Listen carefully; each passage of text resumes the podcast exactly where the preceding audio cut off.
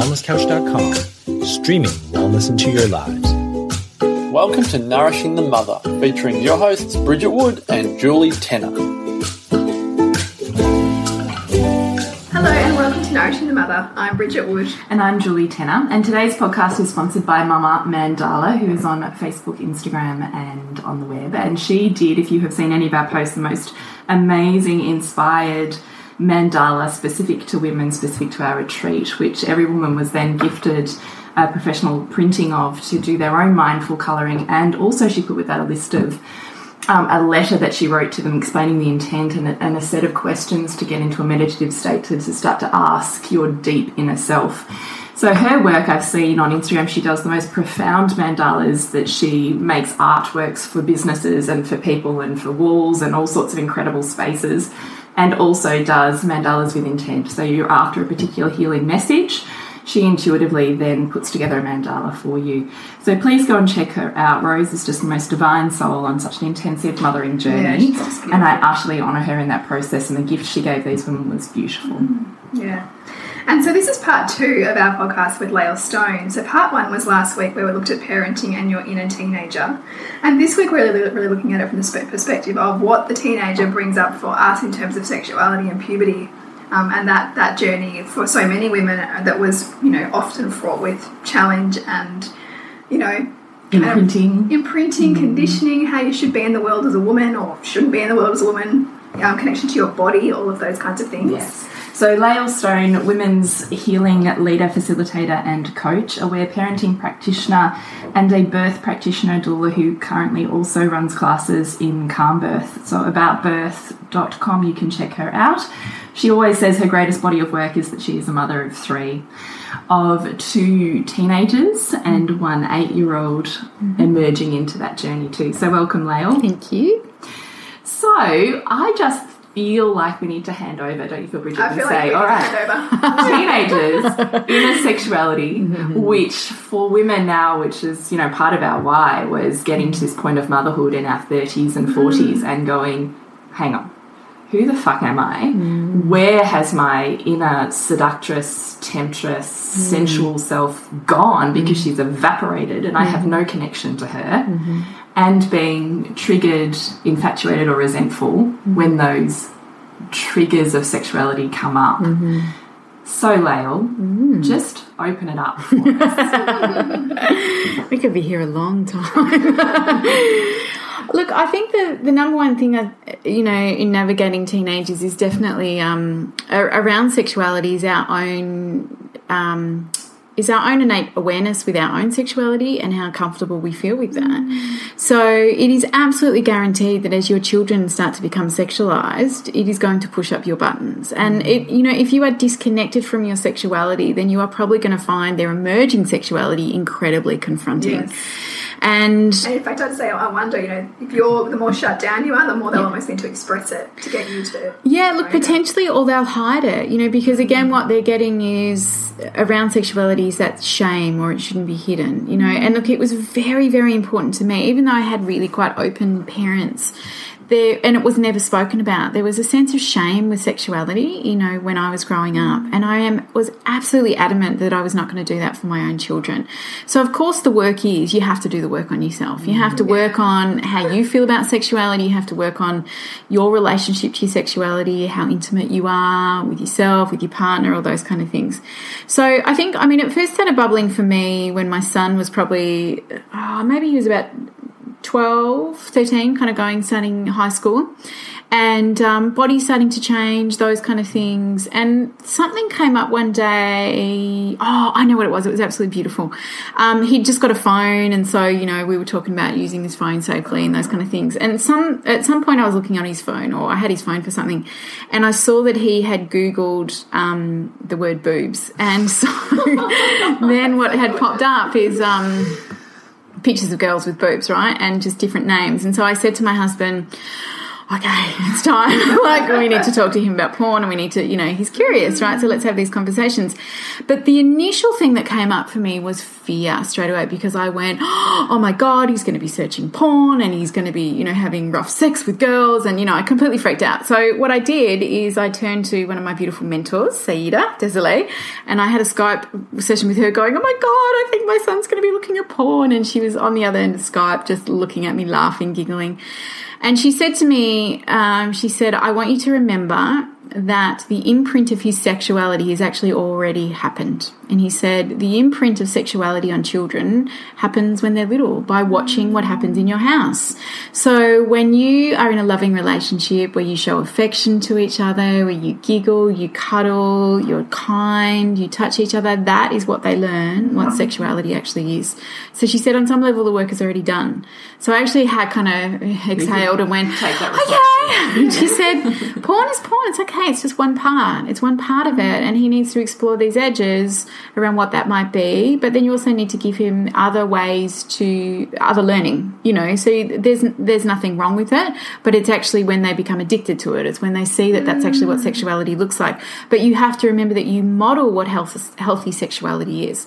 So my husband and I are very, very affectionate to each other. You know, we kiss and cuddle a lot in front of the kids. We're always really, really intimate And how together. long have you been together, Lael? Well, we've been together for nearly 20 years now. It's our 14th wedding anniversary yesterday, but um, we've been So together like for a long time. This is going Yeah. to be part of that conversation is that you as a woman now feel that your relationship is more alive and that you are more alive and within that relationship Yes. than even what you were right back at Oh, the ah, beginning of it. Completely. So Yeah, it gives this complete reframe on the deadening of our sexuality, doesn't it? Oh, look, uh, sexuality, like any part of our um, lives and development, takes work, you know. And look, you know, when I had young kids and I was breastfeeding, I mean, sexuality was just so far down the list of survival, you know, modes that we were in that it, it didn't even pop up. And it wasn't until actually I finished breastfeeding my third daughter.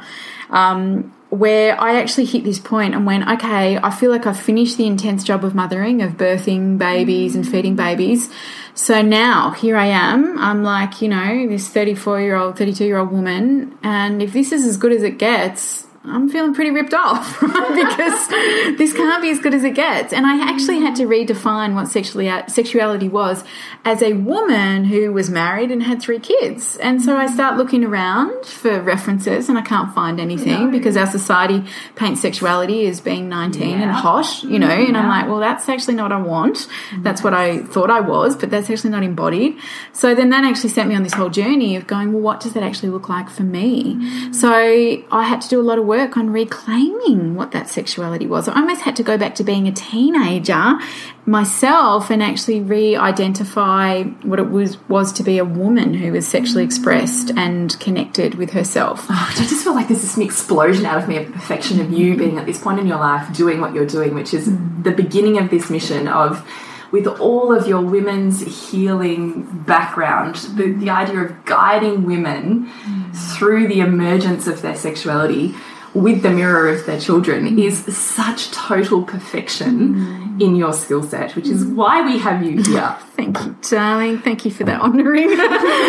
um, uh, you know, look, and I think, it, it, I mean, the, the start of it really, again, was uh, me kind of going, okay, well, what is my sexuality? And then as my son started to move into puberty, it fired up again. Well, what, how do I feel about all that? What does that look like? Now, interestingly, I found it really challenging as my son started to move into puberty and started to become sexualized. My husband, no issue whatsoever. He was kind of like, yeah, it's all good. He was chatting with him about it. I had my buttons pushed. Now, when my daughter is going through puberty into sexuality, my husband is completely just all over the shop, right?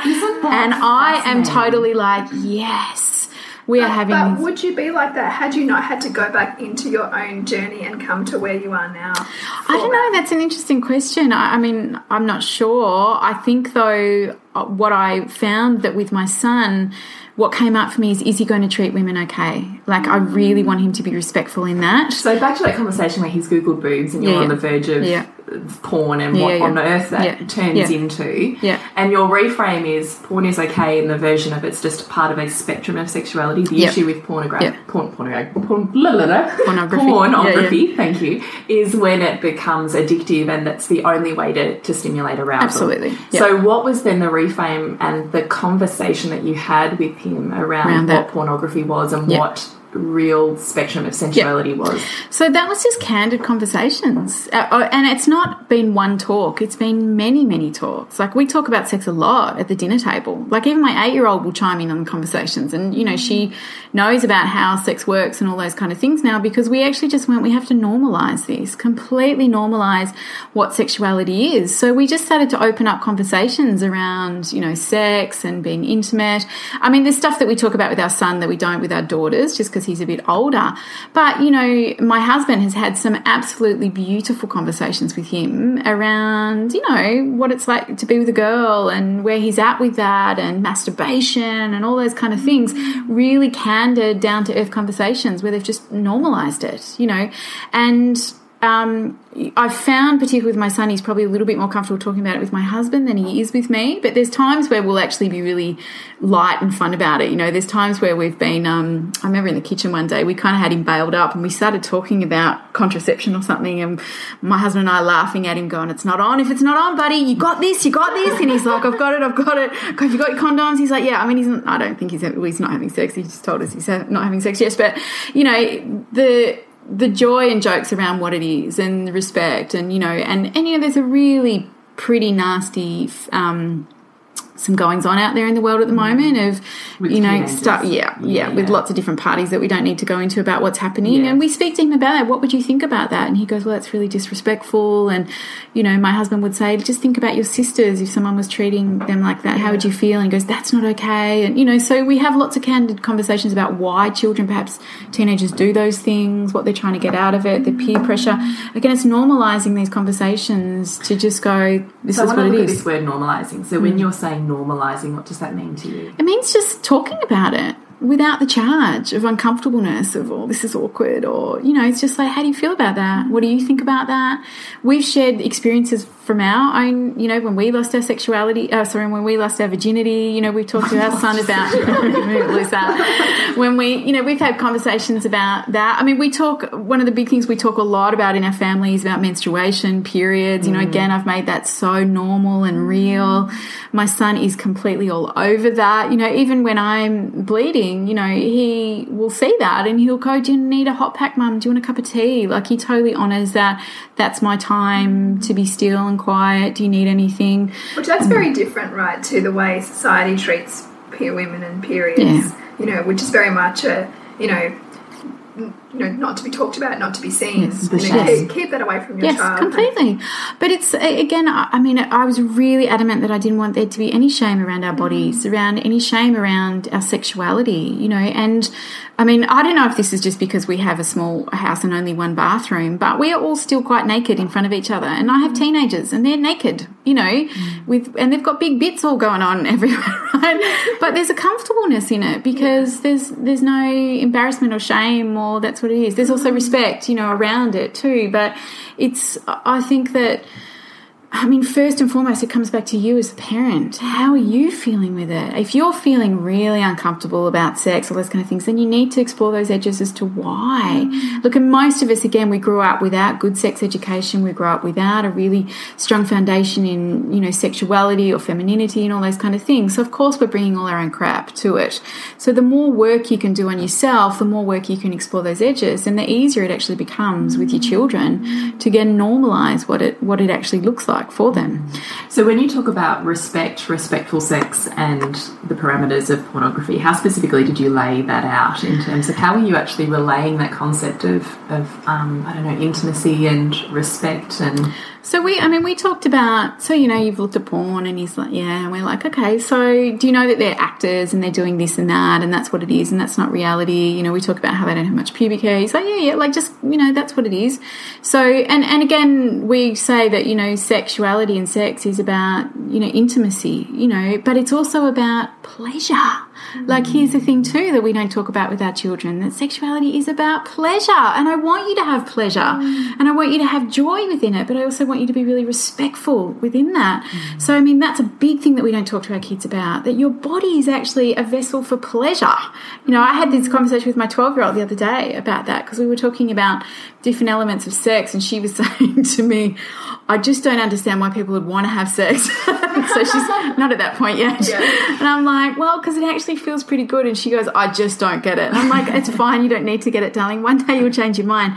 But I really want to offer you that your body is meant to be used for pleasure and joy, mm. and that, you know, it's amazing. I mean, it's there to make babies, but it's also about to be fully explored, and that's your job to do that. And then if you feel like you want to share that with someone, then that's your choice, and it's got to be a big yes for you. And we just, again, these are just often these conversations often happen at bedtime. You know, sometimes when you get those beautiful gold things, so mm. often we'll lay in bed at night, and you know, we'll just talk about little bits and pieces about that, and particularly with my daughter because she is really moving through puberty now. We talk a lot about menstruation, we talk a lot about what the body's designed to do, you know, hormones, all those kind of things. And really quite beautifully is because my girls share room, her eight year old sister's there, she's just hearing everything and she's mm. just all over it. Again, it's just a normal this is what your body does. You know, there's no shame around it. It's it's who we are. And again, if we want our children to be you know, conscious beings. Sexuality is a big part of that. You know, I think one of the biggest things that I see with teenage girls is they trade their sexuality for love or acceptance, you know, and I really, really, really. Do you see that in your son's peers?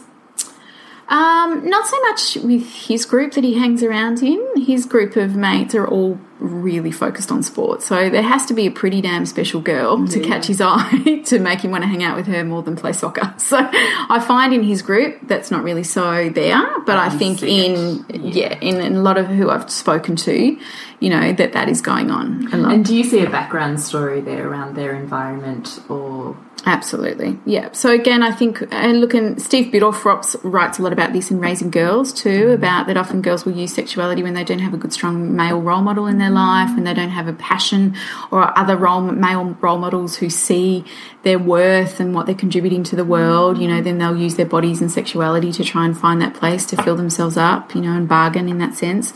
So I do think that sometimes when we when we're not having that stability in the family, you know, which sometimes just doesn't exist because it's life, you know, that's what girls will actually look for. And also for girls, you know, there's often so much self worth or poor self worth Yes. tied up in those years, and there's a desperate yearning for acceptance. Yes. And you know, sex and exploring your body or sharing Yes. your body with somebody else could be, you know, a really surefire way to have that perception of acceptance. Yes, completely, completely, completely. Yeah, look, I think that, I mean, sex is one of those big topics. There's so many different layers involved with it. I mean, again, coming back to, I think that ideally what we want as parents when we're talking with our teenagers is to have communication, is to mm. have connection. Connection's the key. So, you know, your kids know when you feel uncomfortable or you're charged around something. They just know it. They can feel it in their mm. energy. So the clearer you can get around your own crap around it, the easier it will be to help navigate what that actually looks like.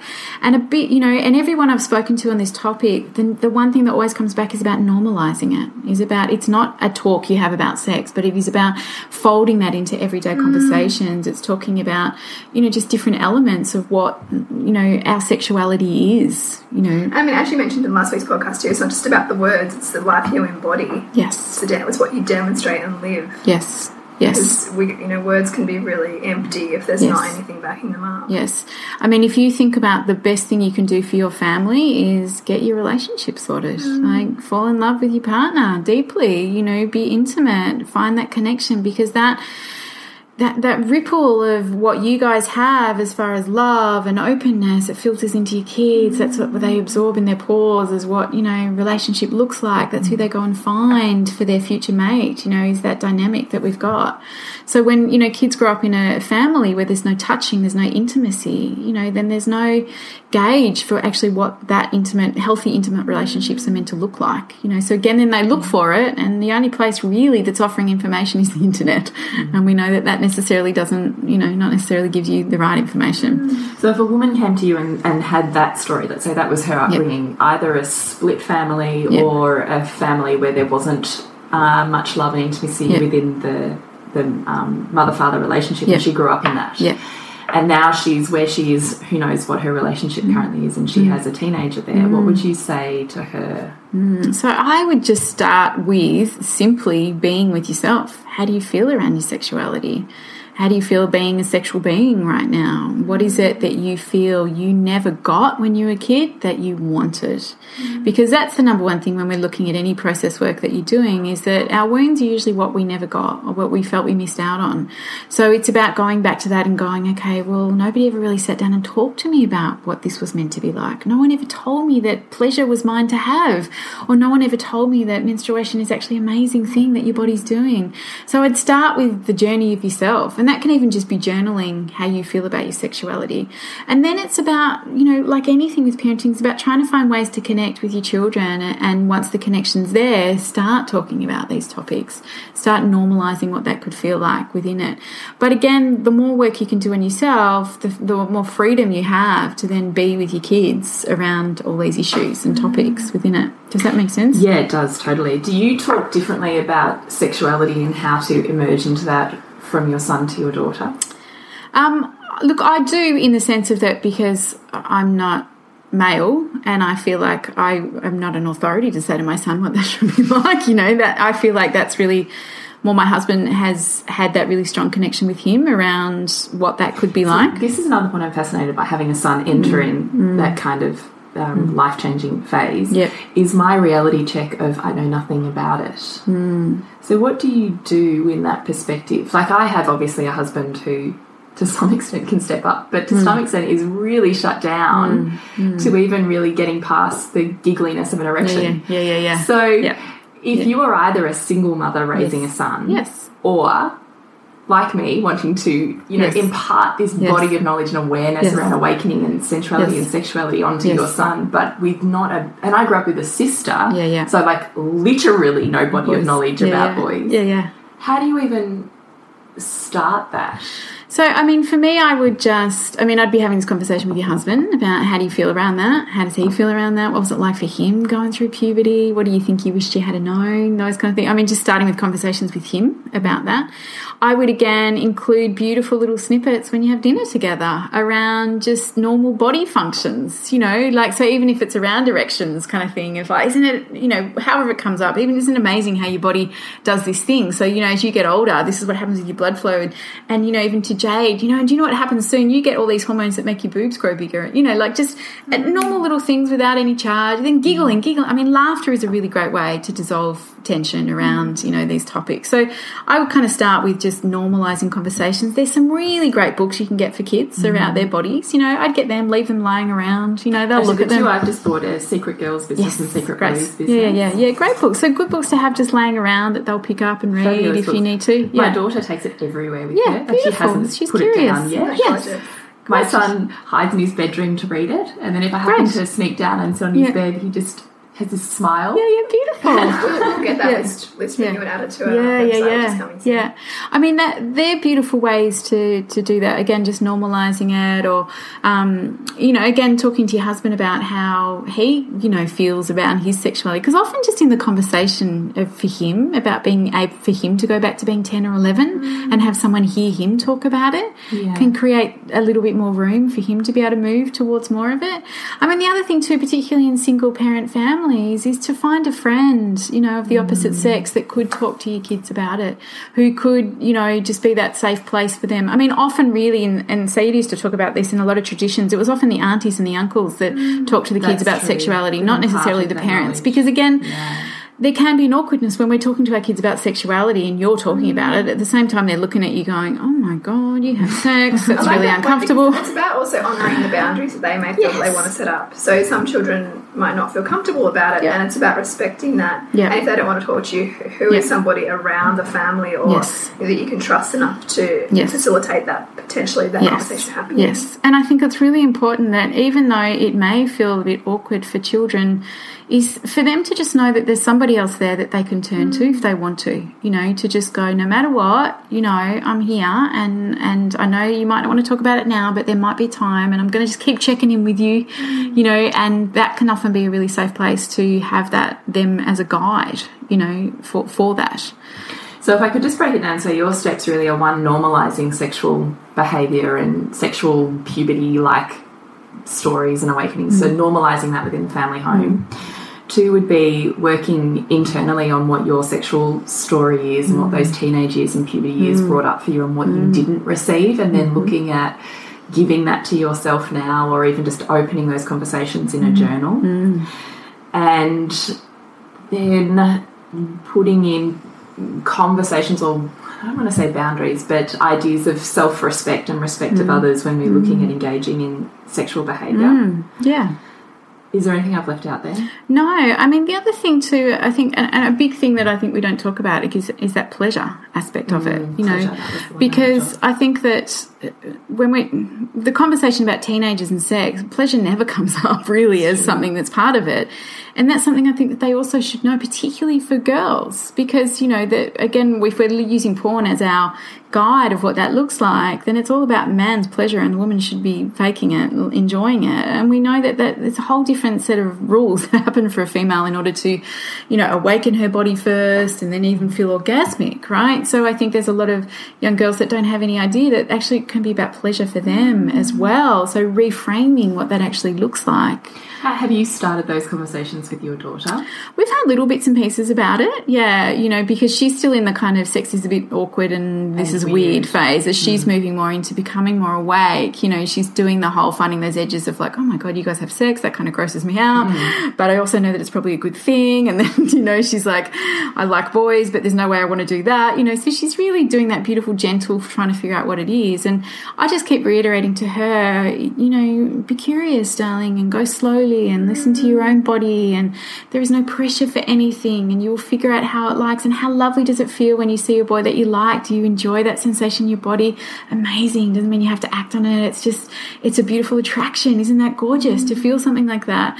And, you know, so I'm planting those seeds around that pleasure is your birthright, darling, you know, and that, that part of as you become a sexualized being is to know that that's actually something that is the most magnificent thing that you can do. Oh, and I just love that. Go slow and follow your pleasure. And I mean, I don't know for other listeners here, but this could be enormously triggering for you and your how your own experience of sexuality played out. Because I can totally go back to those ages. I remember I was reading Dolly magazine when I was ten, and in fact, my mum read it one day and decided it wasn't suitable anymore. Yes. said I couldn't have it. Yes. and I wasn't allowed to read it again till I was thirteen or fourteen. Yes. So that was probably a cr- critical time that we could have had the conversation around what these things are. Yes. But in herself, she wasn't. She didn't know how to, right? Yes. Which is really beautiful, and I send love to her uh, from where she was at Hmm. Yeah. for that. Yeah. But you know, if your kids are at that stage of reading those kinds of magazines, Hmm. and I guess now it's probably the internet that serves that purpose, how can you use that as a great in Hmm. to start? You know, feeling around how this topic sits with your daughters. Yes, and you know, so much of parenting, it's not about offering advice and fixing. It's about just asking, "How do you feel about that? What does that seem like to you? Oh, that could feel big." It's about again the spaciousness, creating, mm. opening the conversation, creating spaciousness to hear what is going on for them. You know, within it. I mean, we're so quick to fix all the time. That's what we do as mm. parents. We're really like, "Oh, okay, I know you're upset, but we can do blah blah blah blah, blah or we can, you know, this and mm. stuff." Instead of just going, "Oh, you feel upset."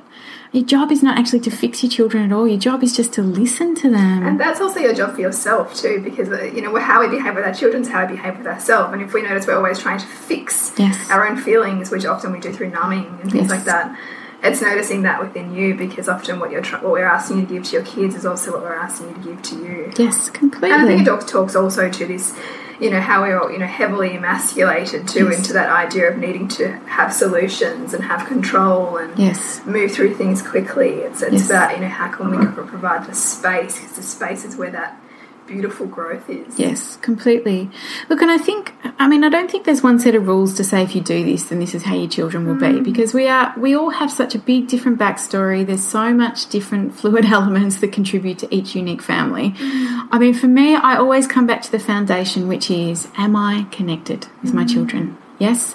And then the second thing is, am I creating spaciousness for them? Which means, am I there? Am I listening? Am I just reading what's going on in their mm. stories, in their worlds? Am I seeing the opportunities that pop up to actually just guide them a little bit or, or tune mm. into what's happening? And You if the answer to those questions is no, mm. what then? Well, then, then it's where you go. Okay, what do I need to do to come back to creating connection with my children? What do I need to do? Firstly, for myself. So that could be, I've got no time for connection. You know, I'm working and I'm stressed and I'm totally strung out. So as you guys would talk about all the time, first thing self care. Mm. Come back to first self care first. So you've got actually some time and space to then connect in with your kids. Okay, then when you're connecting with your kids, am I having my buttons pushed by something's going on? Okay, so again, come back to yourself. Mm. Okay, what's this saying? What do I need to do? Do I need to talk to a friend about what's happening at the moment? Who can I download on so I can make myself more available to my children again? You know, I mean, we can get so caught up in lots of different theories and ways of doing things. And I guess over my parenting journey, I've just come back to simplifying, which is my job as mum as a mum is to be the anchor for my children and to create space. Mm. Which I know sounds really hippie, right? But it is really to me when we're simplifying, the guiding principles I come back to within it and understanding that whenever I get my buttons pushed with my kids, that's my reaction. Something's going on for mm. me. That's a timeout for me to think about what's happening, to go talk to a friend, to download what's going on. So then I come back and again make myself more available for my children to help them navigate what the world is within mm. that. So, what about those parents who are feeling like, oh my gosh, I don't, just don't even have the time to create that space?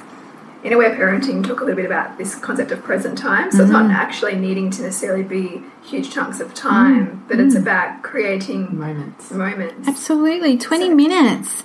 20 minutes of laying on your kid's bed with them, you know, having your legs all wrapped over, you know, having a thumb wrestle, just going, you know, so where are you? What's going mm. on? Eye contact, you know, those kind of things. Just those create those little pockets of safety between you and your child so the child feels anything that maybe is disconnected can melt away, then they start to open up a little bit more. You know, eh, eh, they say, I was reading some literature yesterday, that half an hour of present time a week can change a child's behavior. So that's just a week, half 30 minutes, right? so imagine if you have 20 minutes a day of actually just being with your kids, you know, or playing with them with something they want to play or those kind of Sometimes things. that's also about throwing out the rules, right? Because things we can so often in our busy life, you know, rely on things like routines or certain ways of doing things. yes. Sometimes the greatest joy for children is to see their parents throw out those rules, you know, and hmm. have cake for dinner or Yes. stay up late all together, Yes. you know, on a couch watching a movie Yes. or and just to see their parents willing to join them in the play. Yes. And in the, you know, let's do things differently kind of thing. Look, my son again has taught me this beautifully because he and my husband have this absolute love of soccer, and they watch a lot of soccer from the English Premier League, which is often on at five o'clock in the morning, right? And so they will often get up at five o'clock in the morning to watch soccer, you know, or if there's a game on at seven, it means he'll be like late for the first part of school, and I'm like, part of me's like, come on, you gotta get ready to school, and he turns around, and looks at me, and he goes. What's more important, Mum, that I'm sitting here with my dad, like, and they they hug each other on the couch, like big sixteen year old boy, watching soccer, screaming at the television because they're so into it, or do I miss, you know, or missing 15 minutes of maths? And I go, yeah. You got me. Yeah, because he's right. Because that connection is far more important in my world, and this may not be for everyone, so I totally understand if that's not. But in my bigger picture of creating humans to be in the world, you know, school is one part of the journey. It's just a small part of the journey. That that connection, that love, that intimacy he's having with his father in my world is is it's okay to trade that for fifteen minutes of maths. You mm. know, I'm like, yeah, go for it. Now, I just have one more question area that I wanted to delve into before we mm. wrap up, and that's something that I've clicked into, which is the awareness for us as parents to give our kids a skill set or a tool set for dealing with the embarrassment around body change. Mm. So, this concept of, you know, I'm hanging out with a group of my male and female mates, mm-hmm. and then all of a sudden there's a different feeling in me which I didn't have mm. yesterday, and now I have an erection in front of 14 of my friends. Mm. Yeah. or you know that concept about breast change and mm. having boys pick on you in school mm. yeah. or having a, a, a menstruation kit to take to school mm. because you're not sure when it's going to happen. That that social emotional version of changing bodies and changing sexuality I've started tuning to tune into we really have to resource our kids because if we don't, they get there, Mm. Yep. and then what the fuck happens? Yeah, yeah. That's when the Yep. scarring and the trauma and Yes. the wounding happens. Is when they don't already one have awareness and Yes. two have a skill set built around what they can do if they go there. Yes. So, um, as far as kind of females go, so I don't know if you know of Jane Bennett and her work, but she does this beautiful celebration day for girls, um, which I did with my daughter, which was just one of the most beautiful things I've ever done. Which was um, I got her and eight of her friends, and they were in grade five at the time. And basically, Jane comes, and she's got other people who who run it for as well, and they spend the whole day together, and they talk about menstruation. They make this big, beautiful mandala. You know, they have this big piece of fabric, and they get all these seeds, and they make this mandala as they're talking. She talks to them about how your body works and cycles, and it's just it's so beautiful. And then the mums come in the afternoon, and all the mums come and share their stories about when they first got their periods. So all the daughters hear about when they first got their periods. We do this crafting thing together that um, you know that you do. You gift your daughter. It's just so beautiful. We talk about kind of important women in our lives and what they've shown us. It is so magnificent and rich, you know. And I I put it out there to my daughter's um, friends at school. I didn't really know the mums very well, so I was a little bit like, oh, I don't know how this is going to go. wondering that. Oh, yeah, no, no, yeah, no, you no. didn't know them well. Oh, no, no. So how did you, in inverted commas, sell that? So? I actually wrote this very good um, email, which I had to send to my friend to proofread first to go, does it sound too hippie or is it all right? but basically, I just went, look, as you would be too, I'm watching my daughter change and blossom, and I really want to her to have a different experience of puberty than what I did, which was really about hidden and shame. And so I there's this wonderful woman who does this thing. I sent a link to it. You know, it would be this for the day. It really is about you know helping our, our daughters have more awareness. And every single one of them were like, yes. I had mums running back to me going, I'm crying as I'm reading this. I don't know why I'm crying, but I am.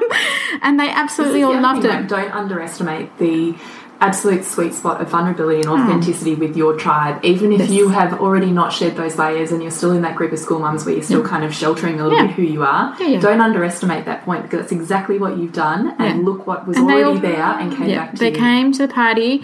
They absolutely loved it. And the thing that was the most beautiful is that my daughter and all her friends did this together, right? And one of the big things Jane talked about was that you got to look after your sisters. So, what would you do at school if one of you got your period? Okay, so, um, and then they were talking about, well, if you needed me, I'd come to the toilets with you. And then we've, I've got a little kit here and you've got that. So they started to look out for themselves. You know, they were like looking out for each other. They were having these conversations about this is normal and we take care of each other within that. It was so rich and beautiful. And again, something I wished I had had when I was a kid and I didn't. So again, it's completely demystified the idea around what a period is. It's just normalized the process. It's created that beautiful essence around it's a time of real gentleness for yourself as a woman. You know, when you're bleeding and you're really low on energy, you need to look after yourself. Those kind of things. So firstly, I think something like that education, you know, where you can where they can do it with their friends makes a massive difference that because creates a tribe. you can, you've got your tribe there together doing it. And equally, the equivalent, I don't know that necessarily as an equivalent for boys that I know of, um, but I think it's also talking about those conversations. So again, you know, with my son and his mates, you know, again, because I love these beautiful teenagers, we've had lots of conversations about sex with his mates and kissing girls. I mean, one of his best friends, this was, this was like the highlight of my mothering career. Um, This has got to be his, yeah, yeah. His uh, his beautiful good friend came home one night. They all came back to our place. I was sitting in the bedroom reading a book. So it was like eleven o'clock at night. And his beautiful friend comes in. I won't say his name. And he's this six foot kid. And he sits on the bed. And I go, "Oh, did you have a good night, mate?" And he goes, "Oh my god, Lael I had my first kiss." And I was like, "Oh my god, that's so exciting! Was it great? And who was she?" And like he's this like fourteen year old kid. He's not even my son, sitting on my bed, so excited. And my son walks in and he kind of looks at me and rolls his eyes like, "Oh my god," because I'm like jumping up and down on the bed with this mate, going, "That's exciting! It was a wonderful. I'm really happy for you. Like beautiful, you know, just those elements of." Sharing that celebration of Look at what growth. you've created, though, in that is that your mothering in your capacity to hold spaciousness has moved beyond your children. Yes, yes, which is beautiful. And that, like moths to the flame, they feel it and they're flocking for it. Mm. yeah, Isn't yeah. that lovely too to know also that kids almost do get everything that they need. So where their parents may not be able to Mm. Yeah. hold the space, Yeah, yeah. someone in their life is. Yeah, yeah. And you know, for Yeah. some children you're playing Yes. that role, which Yes. is just such so beautiful. Yeah, so and I think that is that's exactly right. You open up that space for your kids. The ones that aren't getting it somewhere else will come. They'll come towards it. You know, I, for me, I've always been.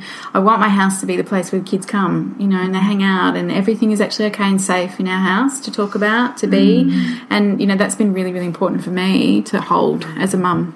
So, what about girls uh, with breast development and boys in their grade five, six, Yeah. year seven kind of phase, picking on their body? Yeah. Well, again, I think it's that um, our job as parents is that we can't actually protect children from the world, right, and what goes on. But what you can do is listen to how your children feel about it. So that, again, it's about that connection or seeing if your child's a bit off and you're hearing, well, I feel really uncomfortable getting changed, or people are saying, thinking about my boobs growing, is to sit there and again, your job is not to fix it, but to go, mm, how does that feel for you, honey? Tell me about it. Let's talk about what that feels like. Why do you think those other kids are doing that? You know, and maybe because those other kids feel embarrassed themselves. How do you feel about it? Are you feeling embarrassed? Oh, okay, I understand that. Like again, it's it's we can't control necessarily how that is, but what you do have control over is your ability to listen to your child coming to you with whatever's going on for them. And your job is not to fix that. I mean, half the time as parents, we want to get in there and go, those little shits, what are they doing? You know, they're hurting my child. But we can't because it's really actually necessary for children to have these experiences. It's necessary them, for them to feel that doesn't feel good for me. Mm. But then if they know they can come home and there's a safe space where they can go, this is what happened and it doesn't feel good, and they have someone to debrief that with and talk about it, then that's not a story they have to hold on to their whole mm. life. That doesn't have to be an imprint of I'm not okay or I'm not enough. You know, I mean, and if it is, it's going to be. That's going to be their journey. But your job is really still to make sure that you provide the space for them to process what happens in that big wide world because it's not always going to be kind and it's not always going to hold our children in the way we want it to. Mm. You know, but our job is to if we can. Mm. Does that help? Oh, man. Hmm. I'm in love with you. Yeah. so. Bless you, darling. So I really like to, before we actually leave you, because now you've been with us for hmm. two weeks and two weeks of episodes, is that if our listeners are having a yearning and a calling to really delve into either their story as a woman mm-hmm. or into their child's mirror or to Yep. awakening, particularly, you know, in this teenage facet, how to mm-hmm. shift that within themselves and their kids, mm-hmm. is there a way for them to get into contact with you and have coaching sessions with you? Yes, definitely. So you can reach me through my work website, which is birthworkshops.com.au. So there's a section on it for aware parenting. So you can, um, so I do sessions over Skype or I do sessions in pers- person. I'm in Caulfield. Um, so that can definitely, you know, happen for people to do that. And, you know, I'm actually working on a book that, um, which is really about teenagers and all these things that we're talking about, sexuality, all those kind of stuff. So that will, that is in the process. I'm not sure when that's going to be birthed, but it will be. So when that's something we to, will let our listeners know. that's something that hopefully will be the book that I wish I had of I wanted really, you know, years ago when I started, I guess, moving through this next phase with my teenagers. It was the book I was looking for to go, how do how do I guide through this to stay really conscious and aware with my children? Because that's what I wanted. So so it's got lots of beautiful research in it from some really amazing people who've done some incredible research about kids' brains and sexuality and all these wonderful topics. So it's got a whole combination of that and all my journeys and workings with kids and Sounds like those kind of things. of and. Yes. Love it. So can you just say your website once again? Yeah, it's uh, And birthworkshops.com.au. that's for Lael. So please get in contact with her and to get in contact with you, Bridget. Yes, it's suburbansandcastles.com, and our film, which is coming right up, is um, Future Dreaming, which is basically looking at um, how we can get back in alignment with what nature's calling us to do and how far we've got out of alignment. So it's a beautiful film with, yeah, love people to come along to that one if you're in Melbourne. And Fantastic. connect with Julie. thepleasurenutritionist.com and get in contact with us is on Facebook Nourishing the Mother. We please rate us on iTunes, share the podcasts that are really singing to you, and message us and email us because we really adore hearing how those ripples are proliferating out into your world. And Until, yeah, we'll see you next week when we continue to peel, Peel back, back the the layers. This has been a production of TheWellnessCouch.com. Check us out on Facebook and join in the conversation on Facebook.com forward slash The Wellness Couch. Subscribe to each show on iTunes and check us out on Twitter. The Wellness Couch, streaming wellness into your lives. Whilst the Wellness Couch presenter endeavor to provide accurate and helpful information to their listeners, these podcasts cannot take into account individual circumstances and are not intended to be a substitute for health and medical advice from a qualified health professional. You should always seek the advice of a qualified health professional before acting on any of the information provided by any of the Wellness Couch podcasts.